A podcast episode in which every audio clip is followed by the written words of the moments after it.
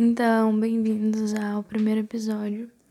É, eu não tenho absolutamente nada, acho que profissional para gravar, mas eu tava na minha mesa estudando e pensei, por que não? Meus amigos me incentivaram, eu vim e tô fazendo. Vai flopar? Vai, porque eu sou muito flop. Mas pelo menos eu sei que meus amigos, ou pelo menos dois deles, vão escutar. É, não tem um, um, digamos, é um conteúdo específico um, sobre o que vai ter, o que vai conversar, sabe? Eu não sei explicar como é, porque na verdade eu explico as coisas muito mal. Mas vai ser de tudo um pouco. De série, filme, tudo, sabe? Música. É, eu, eu mudo de assunto bem rápido, bem rápido mesmo. Eu nem percebo às vezes e já tô em outro assunto e nem termino outro. E isso acaba fazendo com que os uh, fique mais longo, que eu não termine as frases, na verdade, que eu não termine a história e daí fica confuso. Uh, eu não sei direito como isso funciona ainda. Eu tô com bastante vergonha até.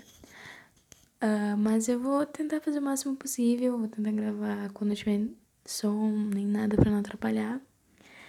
E é uma, pra mim isso é incrivelmente bom, porque eu passo o dia inteiro basicamente desocupada. Limpo a casa e fico tipo, e agora? E isso faz com que eu não tenha absolutamente nada pra fazer e fique deitada na cama o dia inteiro. E pelo menos quando eu tô gravando, eu fico andando. Não consigo ficar parada, é estranho, não consigo. E é isso, eu acho, né? Primeiramente, eu sou bem aleatória, às vezes sou bem engraçada, porque agora eu tô com sono. Ah, o melhor horário pra gravar seria à noite, porque aí não tem barulho, nada. Mas eu vou gravar sempre, sempre. Isso me ajuda muito também, porque eu tô enlouquecendo com essa quarentena. Nossa, ficar sozinha é uma coisa muito ruim. Tu fica pensando em diversas coisas e começa a surtar. E então acho que por uma parte. Ai, cortou ali. É, então acho que por uma parte isso é bom. Não, eu me esqueci que eu tava falando. Viu? É isso que eu tô, é isso que eu tô querendo dizer. Eu me esqueço, eu sou aleatória. Mas acho que eu tava falando sobre o, o nome. Por uma parte, o nome é que envolve os surtos que a quarentena tá causando às pessoas, inclusive a mim. Eu acho que em todos nós, né? E então, a, o nome é inspirado né, em surtos na quarentena. E eu vou contar um pouco sobre mim. Eu acho que nesse eu não sei como é que se chama episódio ou áudio. Eu não sei direito. Eu só escutei um podcast na minha vida inteira. Foi um episódio, nem foi inteiro. Que foi. É, não lembro não, mas era alguma coisa de milkshake. Foi muito bom, só que eu não entendia direito. Eu ficava. Hum, não entendi. Mas eu sou bem mais animada do que isso, que eu tô cansada, eu tô com sono, recém criei. E pode acontecer coisas estranhas no áudio, sei lá, eu posso arrotar, e estranho. Mas eu sou assim. Um, eu tava literalmente sem fazer absolutamente. Literalmente sem fazer absolutamente nada. E eu olhei pro meu desenho que eu tava fazendo pro trabalho de artes e pensei: hum, vou gravar a tela do meu celular. A tela de bloqueio, que era um edit do Gumball. Meu Deus, eu amo Gumball. Não era do Gumball e do Darwin. Cara, falando em Darwin, vocês viram o dublador do Darwin? Mano, ele é muito lindo. Meu Deus, eu acho que eu sou apaixonada por ele. Enfim, eu não sei se vai ser curto ou longo, até porque eu tô falando sozinha, né? Mas eu gosto de falar sozinha, eu falo sozinha muito. Tipo, eu passo o dia inteiro falando sozinha. Como eu passo o dia inteiro sozinha, então eu passo o dia inteiro falando sozinha, só que em voz alta, quando eu tô sozinha. Mas quando eu tô com alguém, eu falo sozinha pensando, sabe? E a quarentena tá me afetando tanto que eu tô falando sozinha mesmo com gente. Daí as pessoas ficam tipo, Meu Deus, já pensou em se tratar? Tipo assim, ir pro hospício, sabe? Ir pra um, sei lá, se tratar, isso é estranho, não é normal. Mas a questão de não, do, de não ser normal é que, em minha humilde opinião, que não vale nada, um, todo mundo, todas as pessoas são um pouco diferentes anormais, digamos assim. Ninguém é 100% normal, ninguém é 100%, digamos, feliz, né? Ninguém não tem absolutamente nenhum problema, todo mundo tem. Todo mundo passa por crises, por ataques de pânico, né? Que... e diversas outras coisas. E uh, a quarentena tá só piorando isso. Para mim piorou, foi tá sendo bem ruim. Mas eu acho que quando tá com um amigo, assim, alguma coisa, por mais seja em ligação a vídeo, acho que é bom, sabe? Pra se sentir, pra sentir que tem alguém ali. Então eu recomendo que façam isso, ok? Ligue para amigo de vocês, conversem o dia inteiro, riam muito, e é isso. Pelo menos eu faço isso com meus amigos. Eu faço muito isso, eu passo o dia inteiro conversando com eles e rindo demais com eles. Meus amigos são muito legais. Hum, sério. Mas eu tô achando um pouco. Na verdade, eu não tô achando estranho eu falar sozinha, porque, como eu disse, eu já falo sozinha. Eu tô achando estranho a questão de eu falar sozinha pra alguém escutar, sabe? Porque alguém ia querer escutar alguém que fala tudo errado. É idiota. Nossa, tô com muito frio. E. Tipo, tá ali falando com um áudio, sabe? Não tem nexo, não tem sentido. Mas eu não sei como eu faço humor, tipo, como hahaha, sabe? Eu não sei como eu faço isso. Na verdade, eu sei fazer, mas quando eu tô com alguma companhia, assim, sabe? Eu tento fazer meus amigos rir, eles riem. Acho que eu conjuguei, conjuguei o verbo errado. Acho que eu falei errado. Meu Deus, que português horrível. É porque eu sou americana, né? Bem. Um, sim, eu queria muito ser americana. Mas, sei lá, queria ser tipo ah, não sei, eu queria ser americana mesmo. Falar inglês, uhul, ser atriz. Ah, sonhos de criança, né?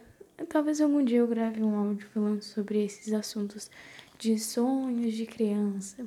Muito bom isso. Saudades dos meus.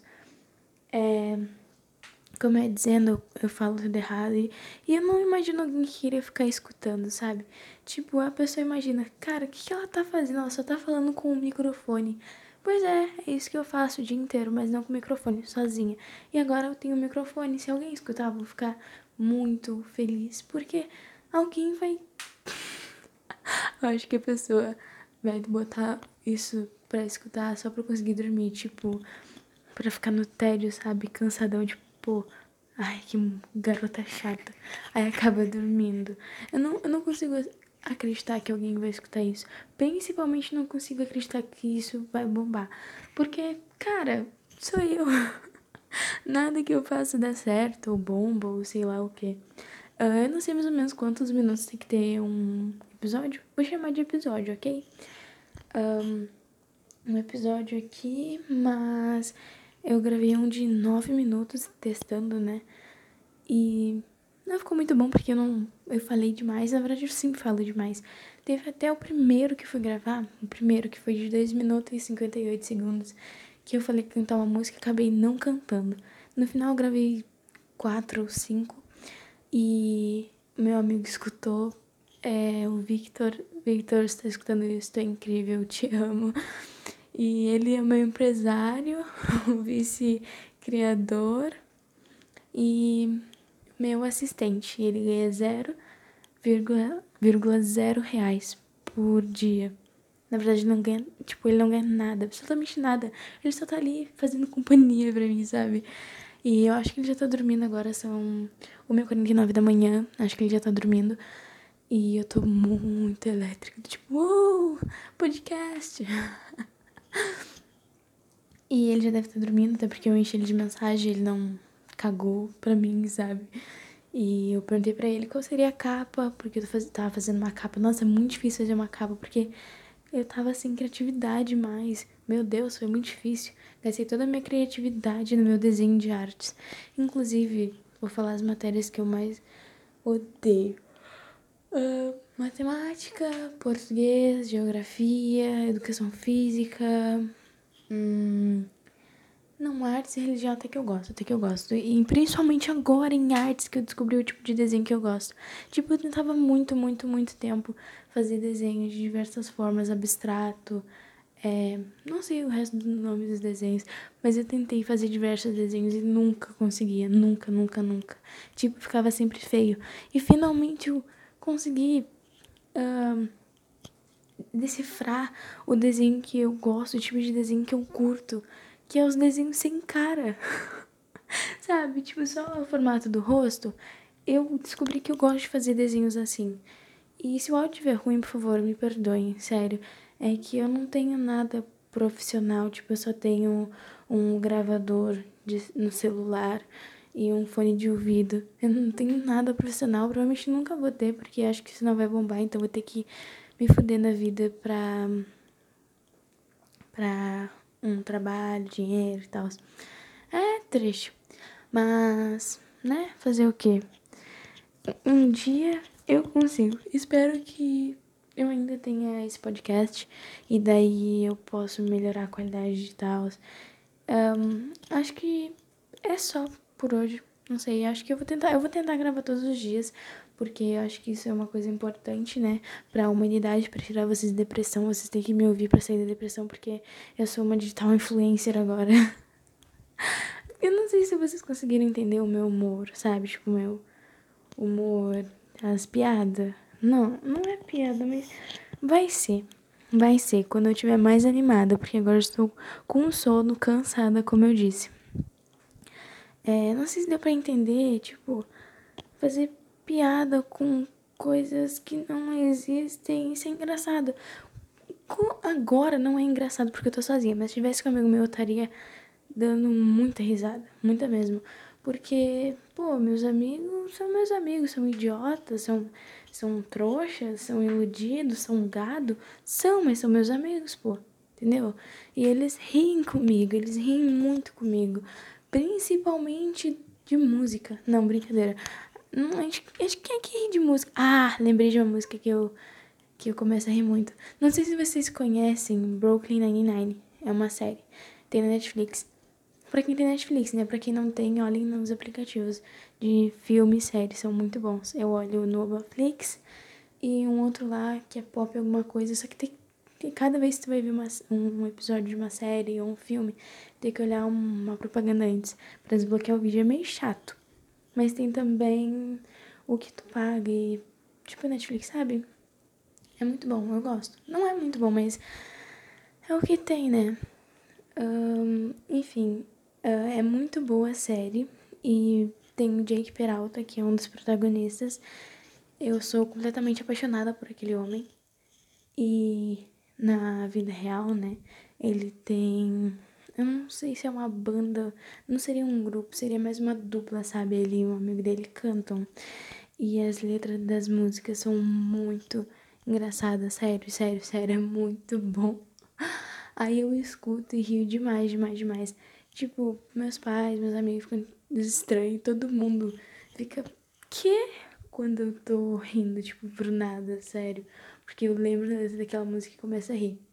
Tipo assim, rir sozinha, sabe? Teve uma vez que eu pensei. Eu tava estendendo a cama. Aí eu pensei em uma palavra em inglês errada. E juntei uma frase que ficou totalmente com sentido no português, mas errada. E eu caí na risada. Tipo, eu ri demais. Tipo, demais mesmo. Passei uns 10 minutos rindo.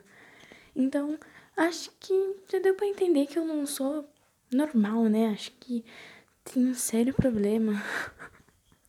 brincadeira, é brincadeira, não tem nada, eu acho, não sei, né?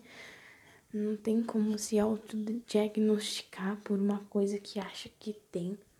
Eu não sei se esse áudio ficou bom, se não ficou, eu gravo outra manhã. Se ficou, eu vou postar esse mesmo, tá bom? E eu acho que pro primeiro episódio. É, eu vou começar a falar episódio, como eu já disse.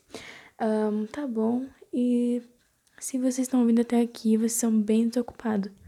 Então é nóis, beijo na irmã, na mãe, até amanhã ou outro dia quando eu vier.